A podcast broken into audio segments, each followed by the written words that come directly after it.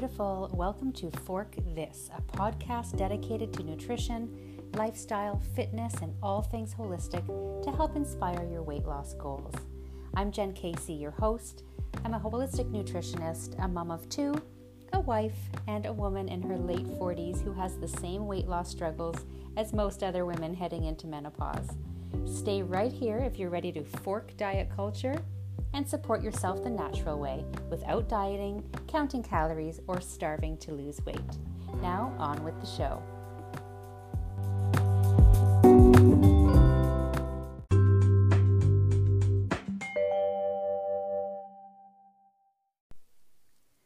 We know that weight loss can be all the feels all at once. It can feel frustrating, it can feel exciting, it can feel encouraging, depressing, and endless all at the same time. If you've ever been on a weight loss journey, you have either lost the weight and gained it back, or you've lost the weight and kept it off. I recently read an article that mentioned a study that showed that both of these groups of people have the same number of slips throughout their weight loss journey. Slips, meaning while on a weight loss program, maybe you have a binge weekend, or maybe you had one meal that was off plan, but you were really hard on yourself about it. So it turned into a slippery slope that then led to takeout, maybe one or two more times that week. And then maybe you went to a dinner party and had too much wine. So you just figured, why not just keep going since I screwed up so many times this week and I've already gained five pounds back or more. And that's what a yo yo diet looks like on and off, on and off. Guilt, lack of confidence, lack of support, lack of accountability, and a diet plan that's too restrictive or complicated. And when it's not exciting and you're not happy while you're on it and hungry, it's really hard to make it work. So, what's the difference between the two groups of people who lost the weight? How can you become one of the people who keeps the weight off? According to this study, people who keep it off are better able to problem solve. They're more likely to have a support system, maybe it's friends, family, or a coach, and they are in control of their environment. So let's break these down. The people who keep the weight off still have the slips, but are better able to problem solve. Well, problem solving can look like being able to sit with an urge or a craving and then make an alternate choice in the moment. Problem solving can look like you having a strategy for when you're at an event and they're serving a bunch of cocktails and cake and little appies that look so delicious, but you know they're not on your plan. So, what do you do? Well, you either talk yourself into eating and drinking them, or you refrain and find an alternative like soda water with lemon and nuts and cheese. Talking yourself into or justifying eating something with thoughts like, well, it's been a long week and I deserve it, or oh, screw it, it's Saturday night, is not problem solving. Problem solving is finding a solution for when your brain is trying to knock you off your path. And there will be so many times, not just while we're losing weight, but during the maintenance phase when old habits creep back in. And it's especially true when you're under stress. And that could that could be stress from a move. It could be stress from a divorce. Planning a wedding is stressful. I just did it. Taking care of elderly parents is stressful. Kids, teenagers are stressful. And those are the times when you need a fallback plan. Your fallback plan is how you're going to solve the problem. Knowing your triggers, knowing how you would usually handle them. For example, when do I normally hit the drive through? Is it when I'm tired? Is it when I'm stressed? When do I normally eat that bag of chips? Is it when I've had a fight with my partner or my kids are driving me crazy? So, having a plan for pulling yourself out of the rut and back onto the path that you want to be on is problem solving. The study says that people who keep the weight off are the ones who are more likely to have a support system. You know, I always remind my clients in my weight loss program that not everyone is going to be your cheerleader. And we can't expect everyone around us to also be ready to jump on our weight loss program or eat what we're eating. So we need a support system. If it's not our husband, our wife, our partner, or our kids, Find a friend who you can report to. Ask them to check in on you every week and hold you accountable for what your goal is this week. Find a coach who you can submit your progress report to, to troubleshoot challenges with, and celebrate your wins with. My weight loss clients check in with me every week, and it's my favorite time because we chat about progress, what's been challenging them, and we work on the habit shifts that need to happen to set up a solid foundation for maintaining and then keeping the weight off. And the last piece, according to the study, is that the people who lost weight and kept it off have control of their environment. This is a big one. If you are the type of person who will eat cookies if they're in the house, even though you know they're not on your plan, then you have to control what's in your cupboards. So do a pantry clean out and only keep what you want to eat for your weight loss goal. If you live with others who don't want to be on your meal plan, because they're going to be there, then ask them to keep their snacks in a separate cupboard or in a different part of the fridge and ask them to eat maybe those things when you're not around or out of your sight or your presence. And if going to events or dinner parties cause stress for you because of the food that's going to be served, then maybe you become the host of the dinner parties and serve what you want to eat. Or if that's not possible, let the host of the party know that you're on a special nutrition plan. And if it's okay with them, you'll bring your own dish.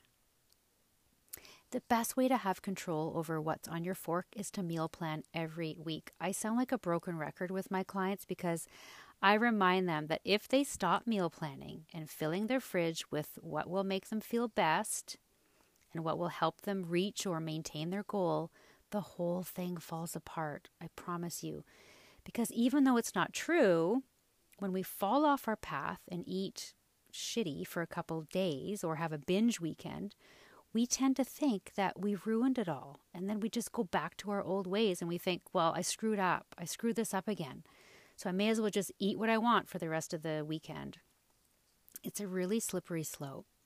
But it's all in our head, I promise. A few days of eating off plan does not mean we failed, or that we're just not cut out for weight loss, or that we're meant to be overweight our whole lives.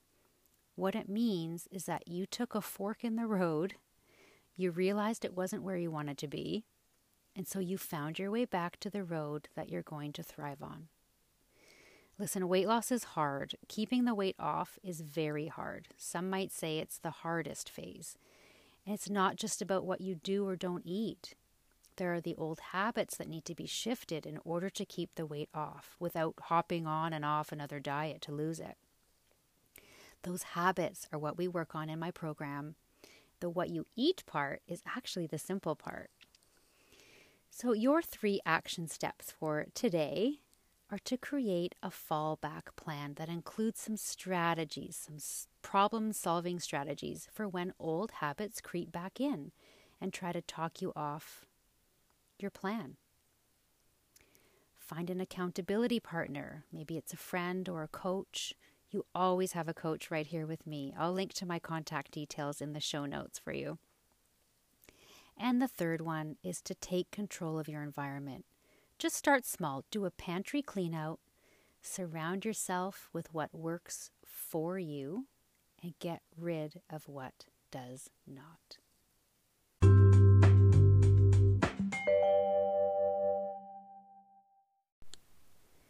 We are talking all about diet and lifestyle for menopause.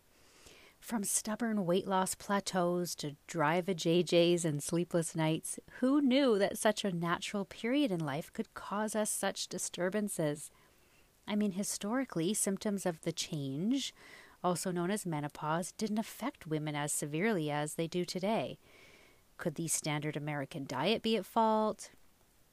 Perhaps it's the lower quality of our soil and vegetation that's causing some mineral deficiencies in women the life expectancy of women today is almost, I don't know, twice that of centuries ago, and our diets have evolved. There's been a radical shift in our activity level, even. Regardless, we deal with menopausal symptoms today unlike women ever did, so we have to navigate them differently. We can't really turn to our grandmothers and great grandmothers about the subject anymore because even they had different experiences in menopause than women of our generation. So, menopause is defined as the natural cessation of menstruation that usually occurs between the ages of 45 and 55. So, in other words, when a woman has not had a period for 12 consecutive months, so that's 12 months in a row, she is in menopause. Her ovaries stop releasing eggs to be fertilized, so her reproductive years come to an end. The end of the menses can also be induced by surgery and can be the result of medical conditions. Now, the decade or so leading up to menopause, known as perimenopause, often starts in the late or mid 30s or up to early 40s and can feel like a hormonal roller coaster for so many women, including myself. There are surges in estrogen paired with progesterone lows and vice versa. And despite not changing the way we eat or the way we exercise, many women become carb sensitive and report a stubborn midsection middle that just won't budge. If you're anything like me, you can just look at food and it goes straight to your waistline. Now, some typical symptoms that are mostly ones that we can control through diet and lifestyle, I'm going to go over today. And although menopause is associated with estrogen mostly, other hormones play a big role in how strong our symptoms are, how those symptoms affect us. Now, typical symptoms that women feel during menopause and even in perimenopause, the years leading up to it, are things like difficulty sleeping, night sweats, or for some, all day sweats, joint pain, shorter or even longer menstrual cycles, or irregular menstrual cycles, heavy, heavy periods and cramping, migraines, insulin sensitivity, and even type 2 diabetes, vaginal dryness, low libido, so low sex drive, and changes in body composition, so mostly weight gain around the middle. Now, you might be asking what makes these symptoms worse? Well, regular diets that are high in refined carbohydrates and low in protein and healthy fat, so they're basically imbalanced, cause our insulin receptors to work a little bit harder. And over time, these receptors don't work as efficiently anymore and the result is insulin resistance. Now, insulin resistance is the primary driver of weight gain, especially in menopause, paired with the declining estrogen levels. Now, food is medicine, remember that, and what we eat can either support us or harm us. Stimulants that we want to avoid or limit or reduce, things like alcohol, so this is like excessive alcohol, sugar. So, this can also come in the form of the sugar as you know it, the white table sugar, but also the refined carbohydrates, uh, a diet high in starchy foods like pastas and rice, and especially when those are not paired with the protein and the fat. Things like excess caffeine, even strenuous workouts, caloric restriction, chronic stress, and chemicals in our cosmetics can disrupt our hormonal balance and make symptoms feel worse. It can feel like a vicious cycle when we aren't sleeping well and we have to rely on caffeine the whole next day to get through. And then we crave sugar or fried greasy foods to feel better, to sort of self soothe. And then we're up all night again feeling bloated and upset with ourselves for making those choices because we can't sleep. So, how can we make the transition into menopause a little bit smoother? Well, a few shifts in how and what and when we eat, the type of exercise we do during these years, how we detox excess hormones, and how we support our adrenals can all help in making the typical menopause symptoms feel less intense. In fact, I am about to share six shifts with you that I personally have made to support the transition into menopause. And if you're not quite there yet in menopause, you don't have to wait until menopause to implement these habits. In fact, the sooner you set yourself up by preparing early, the better armed you will be for the change. So, intermittent fasting. This is shift number one. Now, to keep insulin working efficiently, yet not overworked, we have to let it do its job and then let it rest. So, a form of intermittent fasting that I use with my clients, whose goal is to lose the midlife middle, is to eat three balanced meals a day with a five hour fasting window in between each. Now, there are several ways to intermittent fast. I like this way in particular because we're not skipping meals, we're not starving all day, we are simply allowing our insulin levels to come all the way down in between each meal. So, this means you're quitting the snacking. Then you're also fasting all night long during sleep, so after dinner, all the way through the night until breakfast. When insulin is high after a meal, your body isn't burning stored fat. So, this includes snacking and grazing and drinking that midday latte. Even having a small piece of healthy fruit as an afternoon snack can kick you out of a fasted state and raise that insulin level. And when you allow insulin to come down between meals and your body has digested your latest meal, you then tap into your stored fat, your fat reserves, as a form of fuel until it's time to eat again.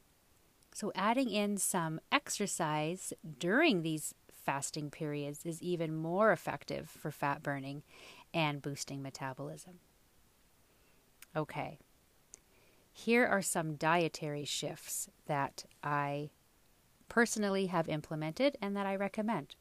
So, as with any healing protocol, the first step is to eliminate what could be harming you or what could be causing more inflammation in your body, what could be causing you to gain that extra weight.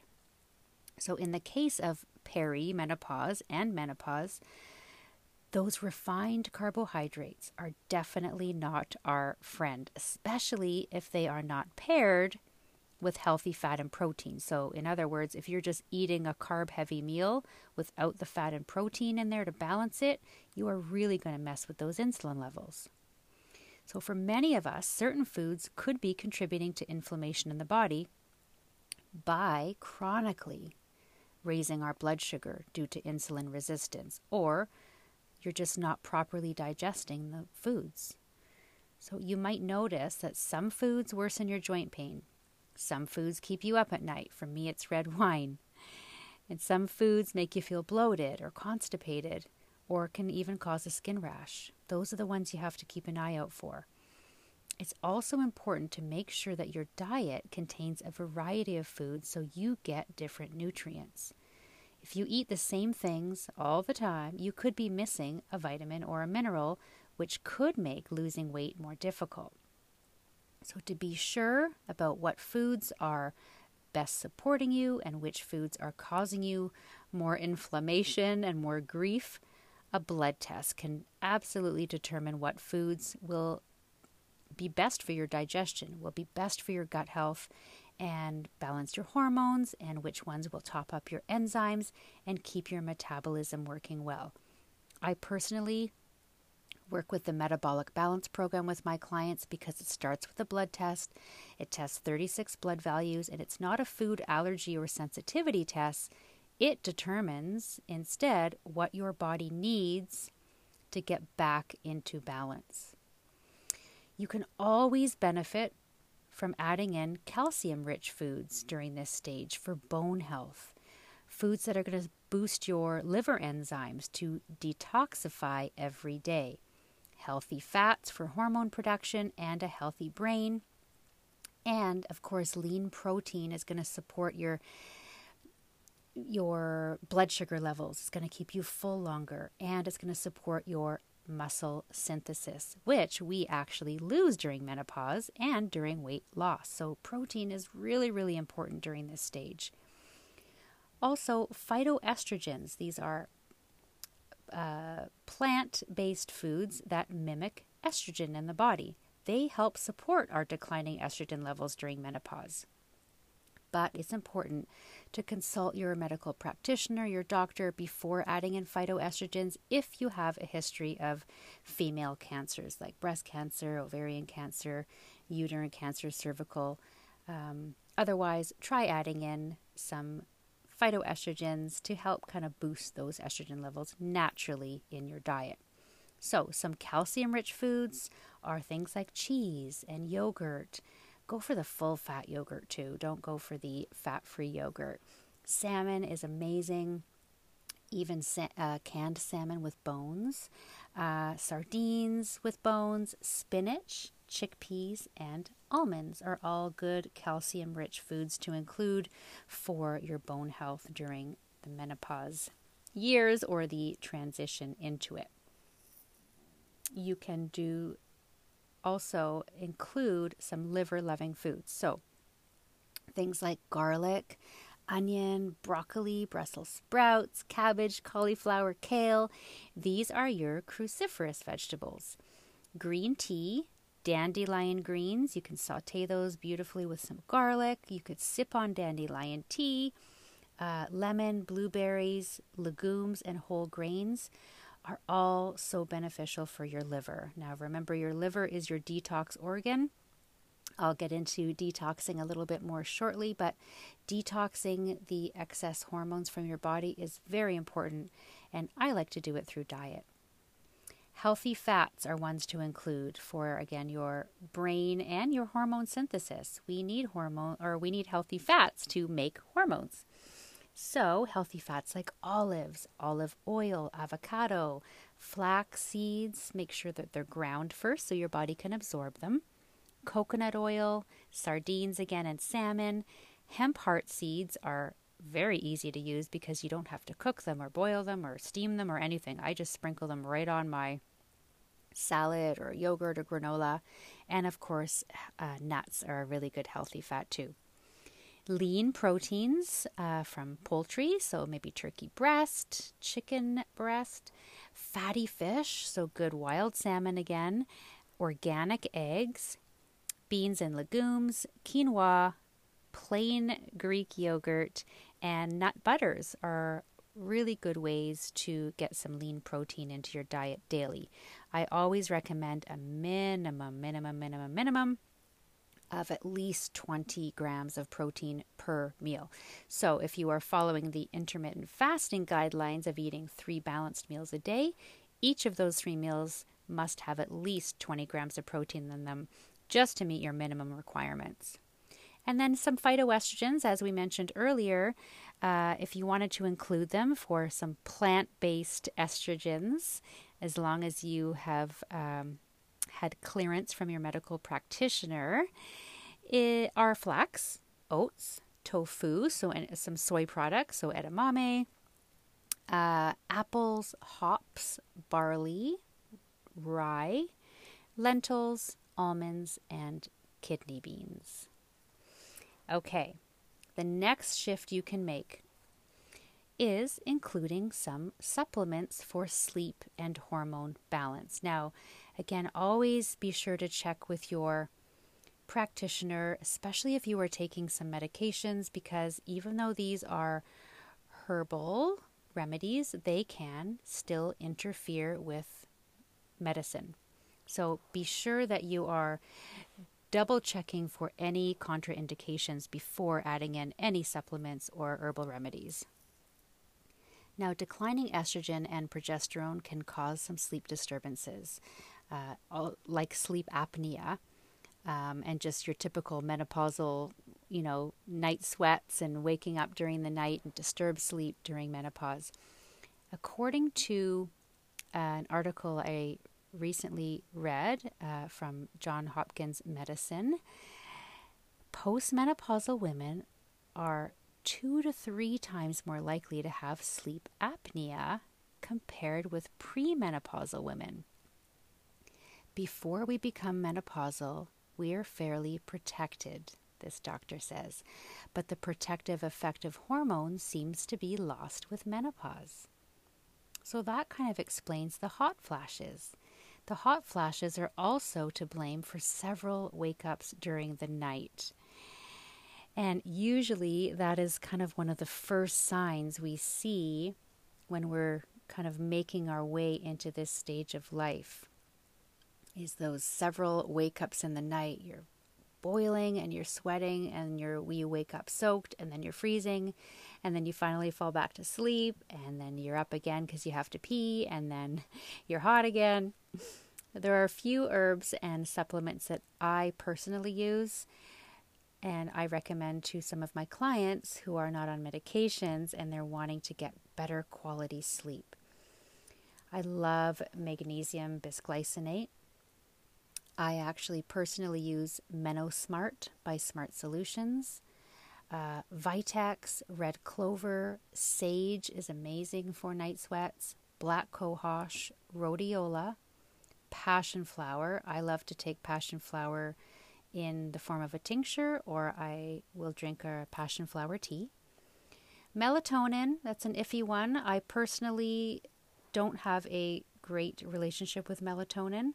Um, for some, it can cause some strange dreams, and that's what happens to me. But you can try it and uh, and see how it works for you. But melatonin is a natural hormone in our body that helps us fall asleep. So taking a supplement of melatonin does just that. GABA I like for uh, calming a busy brain if you have trouble sleeping uh, with insomnia and you are just lying there awake with a thousand thoughts. GABA is really helpful. Lemon balm, which you will find in a, uh, a herbal tea, and uh, I3C or DIM helps us to clear excess estrogen. Now, I have linked to some of these on my website, so I have put all of this information into a blog post, which I will link to in the show notes that uh, you can easily kind of review this information again and um, and click on some of the links to see what some of these supplements are so you can do your own research before adding them in. Now, the next shift I'm going to talk about is building muscle. Now, when we start to gain weight during perimenopause and menopause, many women tend to add in more frequent and more intense exercise. We kind of think, oh, I need to work out more to lose this extra weight.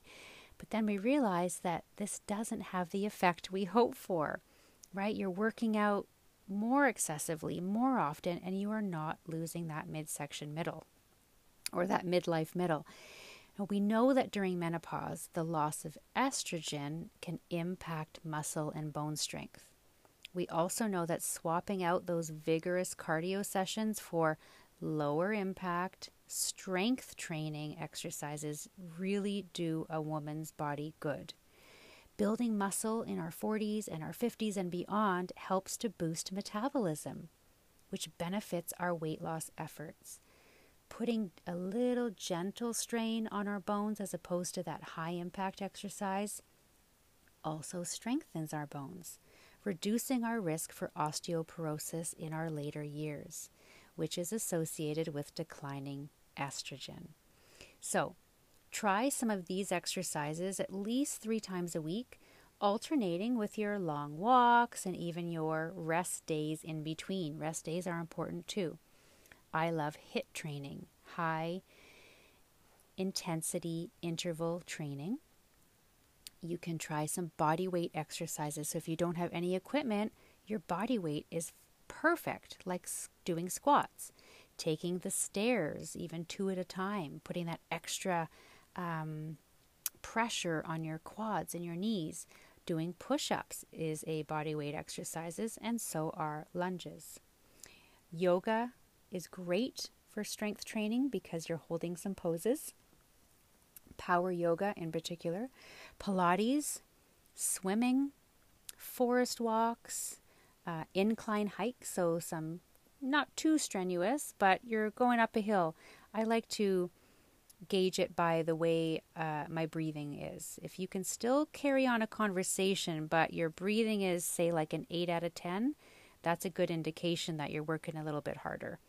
Uh, and if you get yourself a set of kettlebells or dumbbells, those are really great for uh, doing compound exercises. You know, so if you were doing squats, you could also do bicep curls or shoulder presses at the same time and really work those muscles and bones in the arms and chest and back. So while you're building muscle, don't forget that you will need higher protein. particularly in that meal right after you work out. So adjust your uh, training and your eating schedule accordingly. You're going to aim for about one gram of protein per pound of body weight in a day. So, as I mentioned earlier, I'll say a minimum of 20 grams per meal. So, that's not quite enough, but it's a good place to start. Okay, the next shift is adrenal support. Now, all the changes that women navigate during the transition into menopause can be stressful. And you might be dealing with at this age looking after elderly parents. You might be dealing with, you know, kids in their late teens. So, whatever you're dealing with, stress leads to high cortisol. It leads to disturbed sleep. It leads to sugar cravings and weight gain. We don't think of it as being associated with weight gain, but it is. And when our body is under stress, all our other systems are suppressed to make way for the only thing that matters in the moment surviving. And one survival mechanism is to pack on the pounds. Our body stores fat to use as energy when we are fighting a tiger, so to speak, and don't have time to stop and eat. So the problem is we won't be fighting any tigers anytime soon, but the brain perceives all stress as being equal, tiger or no tiger. There are several ways to nourish our adrenals, from meditation to forest bathing, deep breathing exercises, self care, healing foods, adaptogens, and supplements.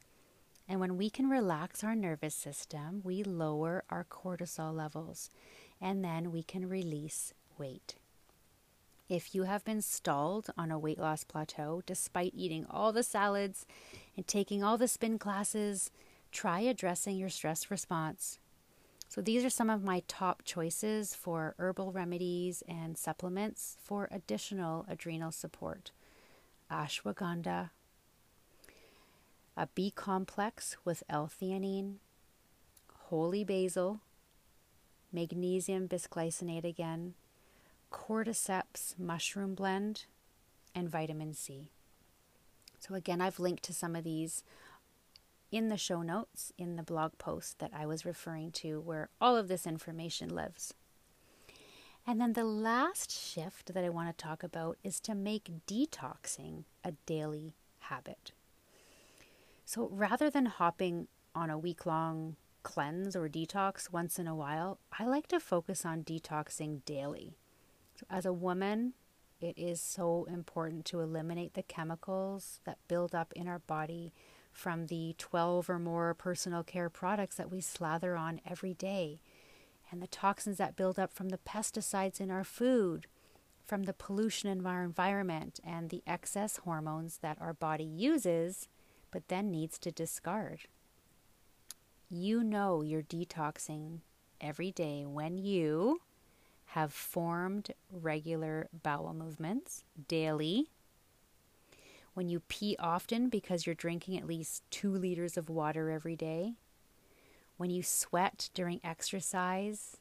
When you have steam baths or saunas.